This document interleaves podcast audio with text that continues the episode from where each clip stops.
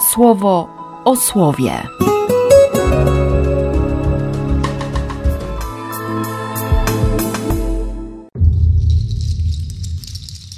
9 listopada, środa na Lateranie.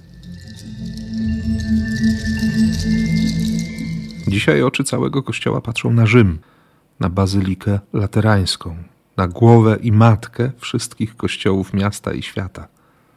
Chodzi o to, żeby jeszcze raz uświadomić sobie więź, żeby być spokojnym, żeby przypomnieć sobie, że, że Bóg naprawdę buduje swój kościół, że to jest Jego kościół i że nie chodzi tylko o budynki, choć ta wizja z proroctwa Ezechiela jest, jest przepiękna. Źródło wody życiodajnej tryska spod ołtarza. W tej wodzie jest, jest taka siła życia, jest niepohamowane, niepowstrzymane pragnienie, by, by uzdrawiać, żeby się łaska rozlewała szerokim strumieniem, bo ta łaska może porwać można się nią zachłysnąć.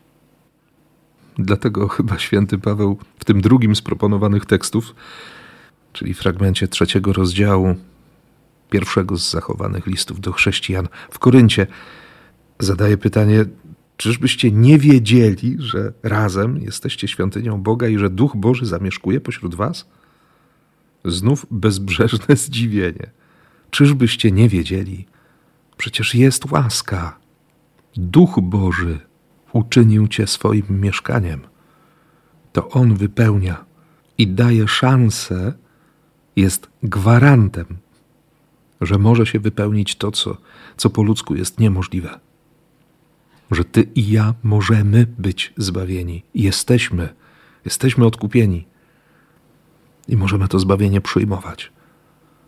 Dlatego Jezus od czasu do czasu będzie robił porządek, nie?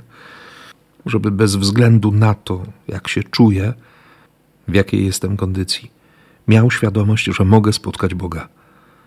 Czy będę ze wstydu chciał się zatrzymać na dziedzińcu pogan, czy będę chciał wejść do samego środka, tuż przed święte świętych. On mi robi miejsce. On pokazuje, że, że ojciec będzie słuchał, że tak naprawdę nie ma przestrzeni, w której, w której nie mógłbym go odkryć i przyjąć, przyjąć łaski, przyjąć zbawienia, bo, bo nie da się handlować z Bogiem. Targ już zamknięty. Pewnie, że jak to podsumował jakiś czas temu e, ksiądz Wojciech Węgrzyniak, dało się złapać te wszystkie woły i owce. Gołębie miały być wyniesione, a, a pieniądze pozbierali. Nikt nic nie stracił. Tylko trzeba było wszystkim przypomnieć, że, że dziedziniec pogan jest też miejscem modlitwy. Dobrze jest sobie o tym przypominać wtedy, kiedy, kiedy się człowiek potyka, kiedy wchodzi w grzech, kiedy się wydaje, że, że co jak co, ale, ale w takim stanie to nie powinienem stawać przed Bogiem.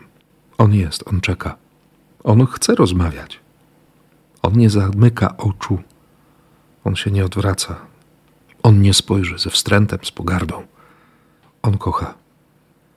I doświadczenia, i przekonania się o tej miłości życzę Ci i błogosławię w imię Ojca i Syna i Ducha Świętego. Amen. Słowo o słowie.